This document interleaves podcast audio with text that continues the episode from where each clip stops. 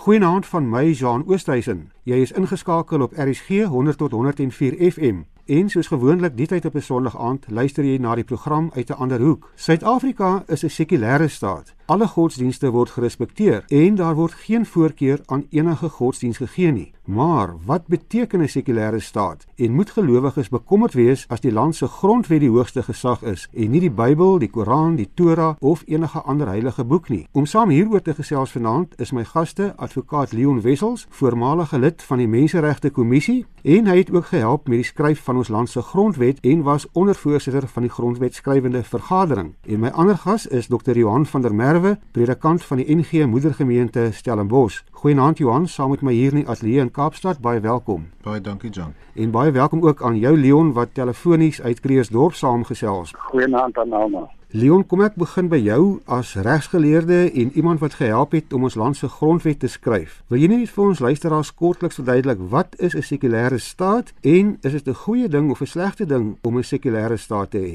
Ek dink dit is 'n baie goeie ding. 'n Sekulêre staat beteken dat die owerheid, dit wil sê die staat het geen gunstelinge nie. Ons is dus 'n demokrasie en nie 'n teokrasie. Met 'n teokrasie het jy of 'n kristokrasie of islamisme of juda judaïsme wat beteken die grondwet, die handelinge van die owerheid, hofuitsprake en so meer moet almal voldoen aan die voorskrifte van daai bepaalde teologie. Alles word daar volgens gemeet, maar in die demokrasie, die sekulêre staat wat ons het, het jy vryheid van geloof en alle godsdienste is gelyk en word binne die raamwerk van die grondwet ingepas geakkommodeer waar hulle hulle gelowe kan uitleef. Daar is net 'n verdere punt wat ek graag wil maak. 'n Bekende kerkleier skryf destyds aan die toenmalige hoofregter van Suid-Afrika, Arthur Jaskelson, en hy skryf: "Hy sê luister man, ek is 'n lid van die Christelike gemeenskap en ek verteenwoordig die meerderheid van mense in die land, want die Christene is die meerderheid in die land. Daarom behoort julle hof uit uitsprake in pas te wees met ons Christelike oortuigings. Dit is 'n argument wat harmonieer met die argument van die populiste wat sê die regters moet die wil van die meerderheid na. Dis 'n interessante punt daai Leon en ek wil graag terugkom daarna toe die hele kwessie van meerderheid en minderheidsregte. Johan, kom ek bring jou net gou eers in. Jy is 'n predikant in die NG Kerk en alhoewel die NG Kerk nooit amptelik die staatskerk van die dag was nie, het dit tog baie naby daaraan gekom en die kerk het die verlede 'n baie spesifieke plek in die volkshuishouding ingeneem. Is 'n sekulêre staat 'n goeie of 'n slegte ding vanuit jou geloofsperspektief? Jy is heeltemal reg, John, daar is mos altyd grappenderwys verwys na die NG Kerk as die nasionale party in gebed op daardie stadium en uh, ek dink baie besluite in hierdie land is sommer geneem waar Koet Foster en John Foster om 'n braaivleisvuurtjie die goedjies uitgesorteer het, neem ek aan. Ek was nou nie daai tyd so aktief nie, maar jy is heeltemal reg. Ons is 'n sekulêre staat. Dit is per definisie vir my ook 'n goeie ding en wat 'n sekulêre staat natuurlik is, ek sluit aan by wat Leon gesê het, is dat daar definitiewe ondergeskiktheid is van spesifieke godsdienstige oortuigings teenoor die grondwet. Dit beteken nie dat die sekulêre staat natuurlik godsdiensvyhandig is nie. En ek dink dit is 'n belangrike ding wat ons moet besef en ook nie dat godsdiens noodwendig tot die private sfeer net teruggeskuif is soos wat byvoorbeeld in Amerika gebeur nie. Ons het onlangs gesien, jy weet, met die hele debat rondom godsdiens in skole ensovoorts, dat daar telkens terugverwys word juis na artikel 15 en artikel 15.1 en 2 veral van die grondwet wat self sê dat in openbare ruimtes godsdiens beoefen mag word en nie net waardeer word of getolereer word in 'n sekere sin nie. Maar ja, vir die NG Kerk dink ek en enige kerkgenootskap behoort dit nie 'n bedreiging te wees dat ons in 'n sekulêre staat lewe nie, want gewetensvryheid en geloofsvryheid word uit en uit gewaarborg. Ja, jy verwys na oom Koot en John Foster. Daar's baie mense wat sê die twee broers is nie altyd regtig om dieselfde vuur gesit nie. So ons sal nie weet wat hulle van daai braaivleisvuur braaivleisvuur gesels het nie. Leon, as Christene in die meerderheid is, dan volg die vraag tog, hoekom geniet hulle oortuigings nie voorrang nie? Is dit nie hoe demokrasie moet werk nie? Dit is inderdaad hoe demokrasie werk. Wat ons nie uit die oog uit moet verloor nie, is dat Christene sien rondom al die strydpunte wat in ons samelewing word oog tot oog nie. Daar is haas Christene in elke politieke party en daar is 'n bepaalde onvermoë van daardie Christene om oor partytgrense saam te staan, saam vertoë te rig aan die parlement, parlementêre komitee, saam op te tree as gedingvoerders in die howe. Ons het onlangs die voorbeeld gehad waar mense van dieselfde kerkgenootskap mekaar die stryd aan sê in die hof. En wat probeer ek daarmee sê? Die Christelike gemeenskap is 'n baie baie en 'n baie groot gemeenskap. Dit is 'n waarpunt nie waar nie Johan mense praat baie keer van die Christene wat in die meerderheid is, maar dit is alles behalwe 'n homogene groep. Totaal en al, dit is uh, geweldig divers. Daarom moet ons ook altyd wanneer ons die Christelike oortuigings probeer korreleer met wat in die grondwet aan die gang is, dan moet ons na die breë lyne kyk. En ek dink ons maak 'n fout as gelowiges om te dink dat die Christelike geloof of ek praat maar vanuit daardie perspektief dat die Christelike geloof op een of ander manier teenoor die grondwet te staan moet kom asof dit verskillende gesagsbasisse het. Vir my is dit ontsettend belangrik dat ons sal sien dat daar, ek noem dit evangeliese resonans, daar is 'n ekko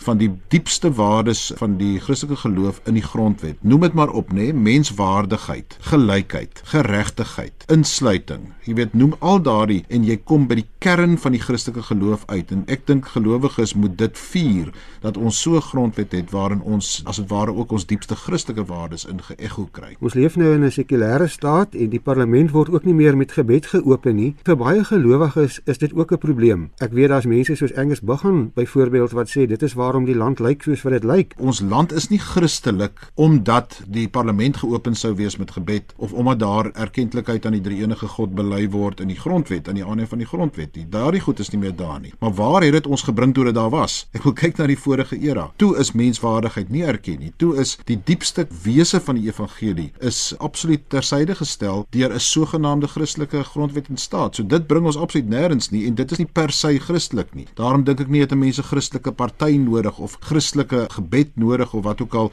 om te sê nou is ons in pas met dit wat ons ten diepste glo nie. Leon, in jou tyd in die parlement onthou ek ook goed toe ek ook nog daar was as 'n joernalis, toe is die parlement elke dag geopen met gebed en dit is nie meer daar nie. Is ons nou in 'n slegter situasie as wat ons toe was? As ek 'n vinnige anekdote kan ingooi, toe die onderhandelinge begin het in Kenton Park, was daar nie 'n vreeslike debat in ons geleedere gewees nie want die gevoel was professor X of Dominee A vra om die verrigtinge te open met skriflesing en gebed en daarmee is alles afgehandel. Toe ons met ons onderhandelingsgenote hieroor praat, sê maar nie so maklik nie wat van die geloof, wat van daardie geloof en dis meer. En toe is al die gelowe, hoofstroom gelowe in Suid-Afrika geparadeer en so die onderhandelinge begin. Nou dit is 'n tyd rowend te lomp en te slordig geweest. Toe het die praktyk ontstaan dat daar 'n oomblik van stilte is en dan bid jy volgens jou eie geloofs-oortuiging in stilte en alleen. Hierdie hele kwessie van 'n sekulêre staat woon ensovoorts gaan eintlik weier as net die staat want ek weet sommige van RSG se luisteraars verwag ook dat RSG 'n Christelike stasie is, maar dit is nie 'n Christelike stasie of 'n godsdienststasie nie. Dis 'n sekulêre radiostasie wat ook godsdiensttemas uitsaai as deel van die stasie se luisteraarskultuur as mens dit so kan noem. Is dit ook hoe 'n sekulêre staat werk, Leon? Dit sluit nie geloof uit nie, maar dit skep ruimte vir alle geloofs-oortuigings. Die staat kan nie diskrimineer teen sy onderdanne nie en hy kan nie diskriminasie toelaat tussen sy onderdanne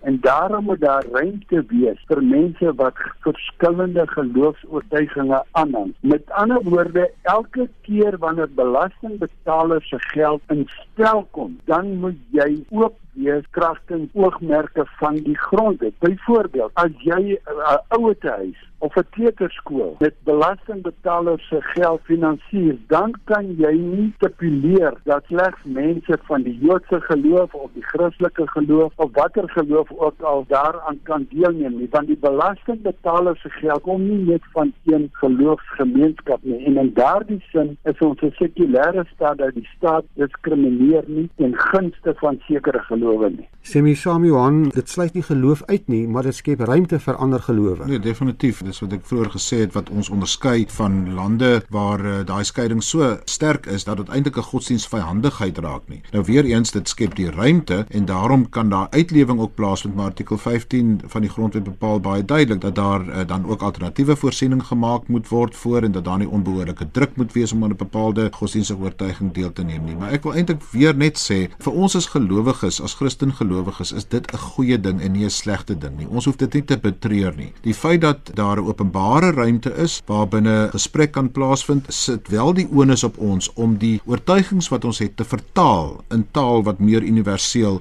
verstaanbaar is. Anders gaan ons nie 'n gemeene grond kry op grond waarvan ons met ook met ander gelowiges en ander landsburgers kan saamgesels nie. Ons sal moet 'n manier kry om nie so net eenvoudig te dink nou moet ons die Bybel aanhaal en dan moet almal net sê ja, dis reg nie. Daar is maniere om dit te vertaal in die taal wat algemeen toeganklik is ook vanuit 'n regsoogpunt en 'n staatkundige oogpunt sodat ons mekaar kan vind daar op die beginsels wat eie is aan eintlik kom ons sê dit maar vir mekaar die meeste godsdienste, sogenaamde hipernorme wat gaan oor integriteit en wat gaan oor eerlikheid en wat gaan oor menswaardigheid en geregtigheid. En dit deel ons met baie gelowiges. Dit is nie eie net aan die Christelike godsdiens nie. Ons het wel 'n eie storie waarvandaan ons kom, waarvan ons nie waarvoor ons ons nie hoef te skaam nie, maar daar is 'n tyd en plek om daardie storie te kan kommunikeer en ons moet kies waar en hoe ons dit doen. Leon, hierdie ruimtes wat ons dan nou skep vir ander gelowe, sluit dit ook ongelowiges in. Moet, moet daar ook ruimte wees vir ateïste, humaniste, agnostici, moet hulle dieselfde respek en ruimte kry as gelowiges van watter geloof ook al? Wanneer ek 'n reg tot godsdienstvryheid opeis, is dit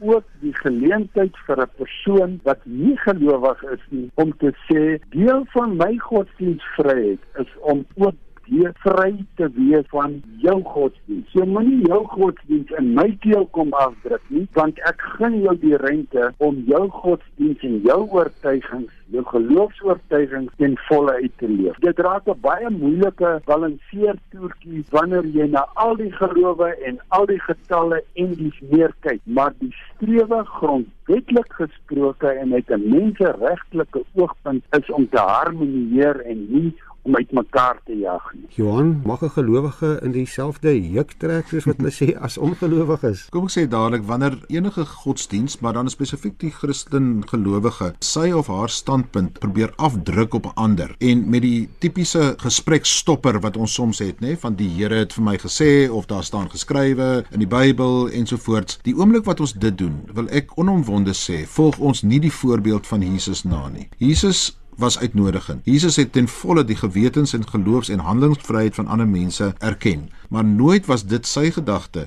om te sê kom ek forceer nou my verstaan en my ervaring en dit wat ek sien en weet op 'n ander af nie. Dit was altyd uitnodigend. En die oomblik wanneer gelowiges dit nie doen nie, is ons nie besig om Jesus daarin na te volg nie. Moet ons ophou om sy naam te gebruik en te misbruik om dit te doen. En daarom dieselfde, daar's 'n leerbaarheid eintlik snaaks genoeg ook aan Jesus gewees en dink ek daar behoort 'n leerbaarheid te wees aan ons as Christen gelowiges om te sê ons kan leer by alles en almal, insluitend by ateïste en agnostici ensovoorts, sodat ons 'n breër verstaan kan kry, 'n beter verstaan kan kry van wat vir ons sin gee in hierdie lewe. As ons sê kom ons sluit ander uit, dan hou ons op om te leer en dan hou ons op om ons visie te verruim, dan kan ons maar die hele projek staak. My twee gaste vanaand is advokaat Leon Wessels, 'n menseregte-kenner en 'n NG teoloog Dr. Johan van der Merwe. Ons gesels oor die feit dat Suid-Afrika 'n sekulêre staat is met die grondwet as die hoogste gesag en nie die Bybel, die Koran of enige ander heilige geskrif nie. Hoe raak dit godsdienstvryheid en perk dit nie godsdienstvryheid in nie? Johan, beteken dit nou die grondwet geniet 'n hoër status as die Bybel? Ek hou regtig nie daarvan wanneer ons die grondwet en die Bybel so teenoor mekaar probeer stel nie. Die hoogste status is die beginsels van menswaardigheid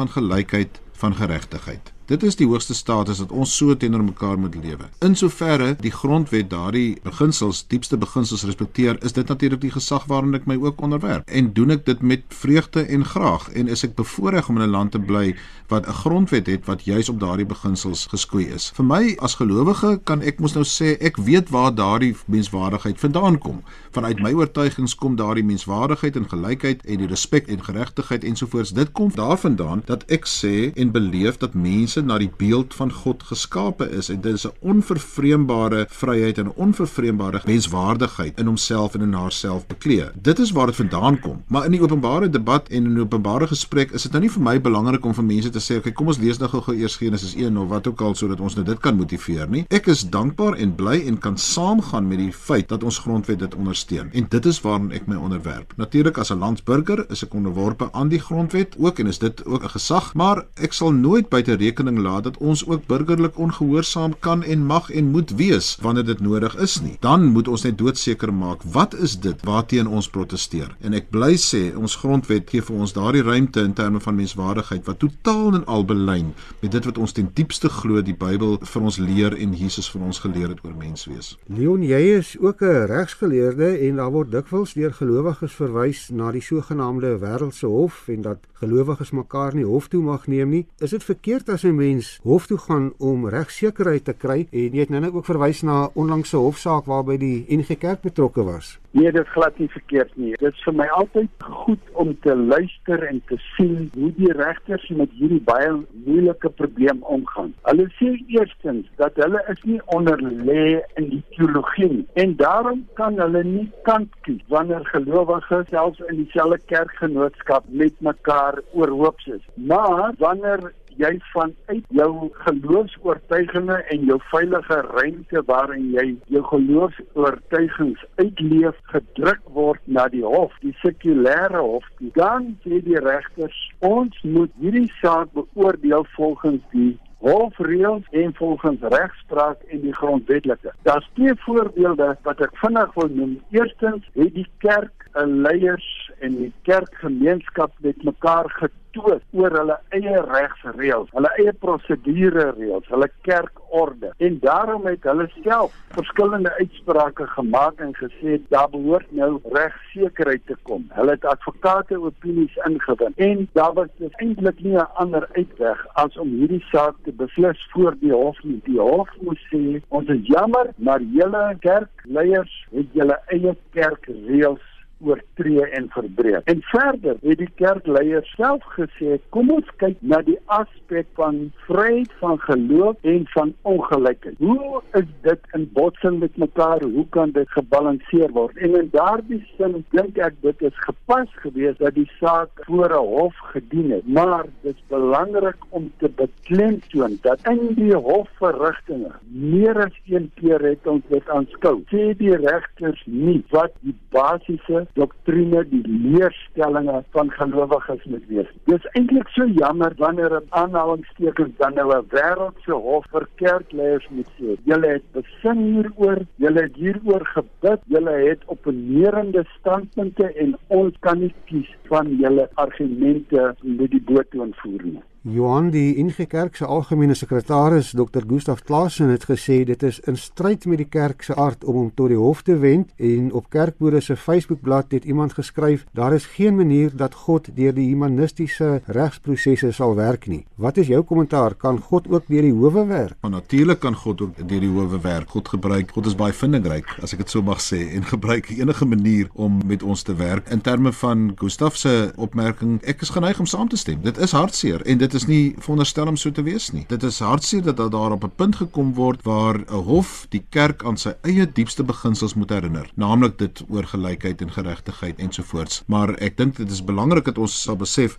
ja, dat wanneer die kerk faal in sy opdrag om diversiteit binne homself te kan akkommodeer en ook die nodige pad met mekaar te kan stap, dan is dit soms nodig dat God selfs die howe moet kan gebruik om met die kerk te praat. Leon, maar wat maak 'n mens dan as daar hofuitsprake is wat bots met sekere geloofstandpunte? Ek dink nou aan die onlangse geval oor die oor die gay saak, maar daar's ook ander sake, parlementêre wetgewing oor abortus, juis omdat dit nie die meerderheid se siening verteenwoordig nie of die meerderheid Christene se siening nie. Die belangrike punt is dat dat die geloofsgemeenskap verskil met mekaar hieromtrent. Kom ons neem nog 'n emosionele saak. As jy nou môre 'n referendum tussen Christene moet hou of jy die doodstraf wil herinstel al dan nie, dan sal daar nie 'n eenparige stem opgaan. Hulle sal daaromtrent verdeel wees en daarom sal die howe nie kies tussen die een of die ander geloofstandpunt nie. Hulle sal dit opweeg in die groter konteks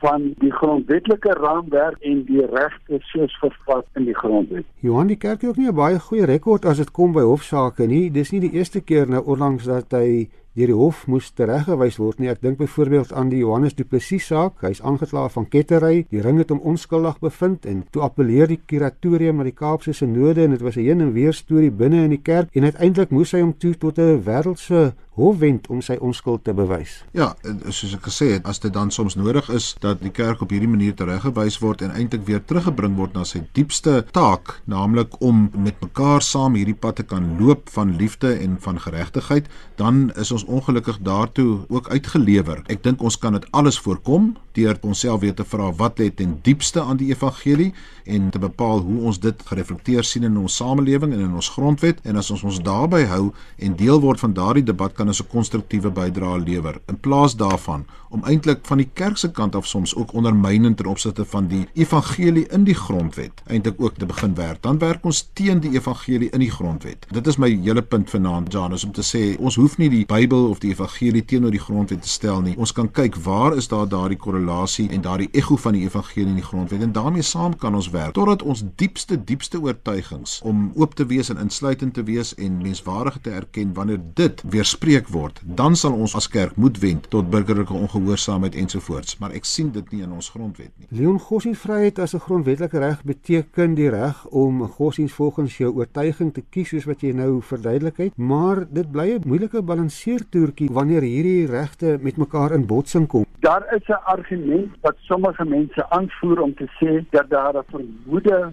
behoort te bestaan ten gunste van diversiteit of dat geloofsvryheid 'n sogenaamde troefreg is. Dit wil sê al die ander regte moet 'n toebuiging maak voor vryheid van godsdienst en dit is nie hoe uh, jy omgaan met hierdie sake in 'n grondwetlike bedeling nie. En die aanslag wat Johan uitgewys het, is die korrekte een. Die fundamentele leerstellings draai rondom naaste liefde en geregtigheid. En dit vind neerslag in talle van die regte in die grondwet. So wanneer jy interpreteer, probeer jy die waardes wat reggelê is in die grondwet in spel bring wanneer jy die verskillende beskouinge, verskillende regte met mekaar harmonieer. En daar is ruimte daarvoor. Ek wil een enkele voorbeeld vinnig noem. In Engeland het 'n sekere persoon beswaar gemaak omdat sy werkgewer sy werk kers gevra het om hom uit te help en op Sondag te werk om agterstallige produksie in te haal. En die persoon het gesê, "Maar hoe kan dit wees? Engeland is 'n Christelike land. Die monarg is die hoof van die kerk van Engeland. Dit kan tog nie wees nie." En voor die arbeidstribunaal is daar gekyk na die omstandighede. Hoe is daar probeer om die persoon se geloofs-oortuigings te akkommodeer? Is daar alternatiewe werkruimte vir hom geskep? Ja of nee? En op die ouende het die arbeidstribunaal gesê jy het al hierdie geleenthede verbeur en verontagsaam en daarom voel ons nie ons kan jou gelyk gee nie. So daar is altyd hierdie soeke die begeerte om nie weg te steek nie maar om aan te trek en by mekaar te bring. Ek wil graag net hier teen die einde vir albei van julle vra. Die grondwet sê daar mag nie teen mense gediskrimineer word op grond van ras of geloof of geslag of seksuele oriëntasie nie en dit is teen die handves van menseregte. Maar hoewe men nie graag in met kerke se huishoudelike sake nie en hierdie diskriminasie vind plaas en hulle noem dit billike diskriminasie. Vroue mag nie dominees word in die gereformeerde kerk nie vroulike priesters in die Katolieke Kerk nie, mans as Joodse rabbies nie en so kan ons aangaan. Kan jy mens praat van billike diskriminasie? Die probleem hier, John, is dat die goed so op skrif verstaan en verskillende interpretasies van die heilige tekste berus. En daai is 'n debat wat ons in die kerk moet uitsorteer, want ek wil tot ons nie daar tot 'n vergelyk kom nie, gaan dit baie moeilik wees om in gesprek te tree met die howe ensovoorts, omdat ons daar hierdie geweldige verskillende opinies gaan hê oor, jy weet, moet ons nou, hoe moet ons nou optree teenoor mense wat van ons verskillende oortuigings het? Diskriminasie is teen die gees van die evangelie. En ek kan nie anders as om dit so te sê vanaand nie. Diskriminasie is teen die gees van die evangelie. Om mense se gewetensvryheid en mense se vryheid tot handeling te beperk is nie in lyn met die evangelie nie om vir mense te moet voorskryf en te sê ek sê vir jou vir wie jy mag lief wees en vir wie jy nie mag lief wees nie is nie binne die raamwerk van die evangelie nie. Maar dit wat ek nou gesê het verskil baie teoloë en predikante in my eie kerkgenootskap selfs van my. En daarom moet ons 'n gesprek bly voer oor hoe interpreteer ons ons heilige skrifte. Leon, 'n laaste woord van jou, die hele kwessie van billike diskriminasie en as kerke teen die mensehandves optree, die onlangse hofuitspraak, gaan dit ook moontlik gevolge inhou vir ander kerke dink jy? Beslis, want onthou wanneer jy die hof betree, die terrein van die hof betree, dan kyk hulle nie watter geloof is die meer aanvaarbare een watter is die meer billike een nie die regsreëls geld dan. Daar is 17 gronde in die handves van menseregte en die jy op een van daardie gronde diskrimineer dan is die verpligting op die persoon wat die diskriminasie doen om aan te toon dat dit billik is. Nou in die onlangse hofgeding uh, waar ons nou al dikwels na verwys het, is dit oor en oor en oor uitgestipel en uitgespel dat die kerk het geen poging aangewend om die billikheid van die diskriminasie aan te toon nie. Die hof het nie vir hulle gevra oortuig ons van die suiwerheid van julle leerstellings nie. Die hof het net gesê hierdie is 'n geding in 'n geregshof toon aan hoekom julle dink dis billik en hulle het in gebreke gebly om dit te doen. Ons sou nog baie lank hieroor kan gesels en dit is baie duidelik dat die laaste woord hieroor nog lank nie gespreek is nie, maar ongelukkig het die tyd ons ingehaal. Baie dankie aan my twee gaste, advokaat Leon Wessels, voormalige lid van die Menseregte Kommissie en was ondervoorsitter van die Grondwetskrywende Vergadering, en Dr. Johan van der Merwe, predikant van die NG Moedergemeente Stellenbosch. My naam is Jean Oosthuizen en jy het geluister na die program uit 'n ander hoek. As jy jou mening wil gee, stuur vir ons 'n SMS na 45889. Dit kos jou R1.50 per SMS of like like ons Facebookblad uit 'n ander hoek. Onthou, hierdie program en ook al die vorige programme kan ook as 'n potgooi afgelaai word op RSG se webwerf by rsg.co.za. Van my, Johan Oosthuizen, goeienaand en geniet die laaste paar uur van jou naweek.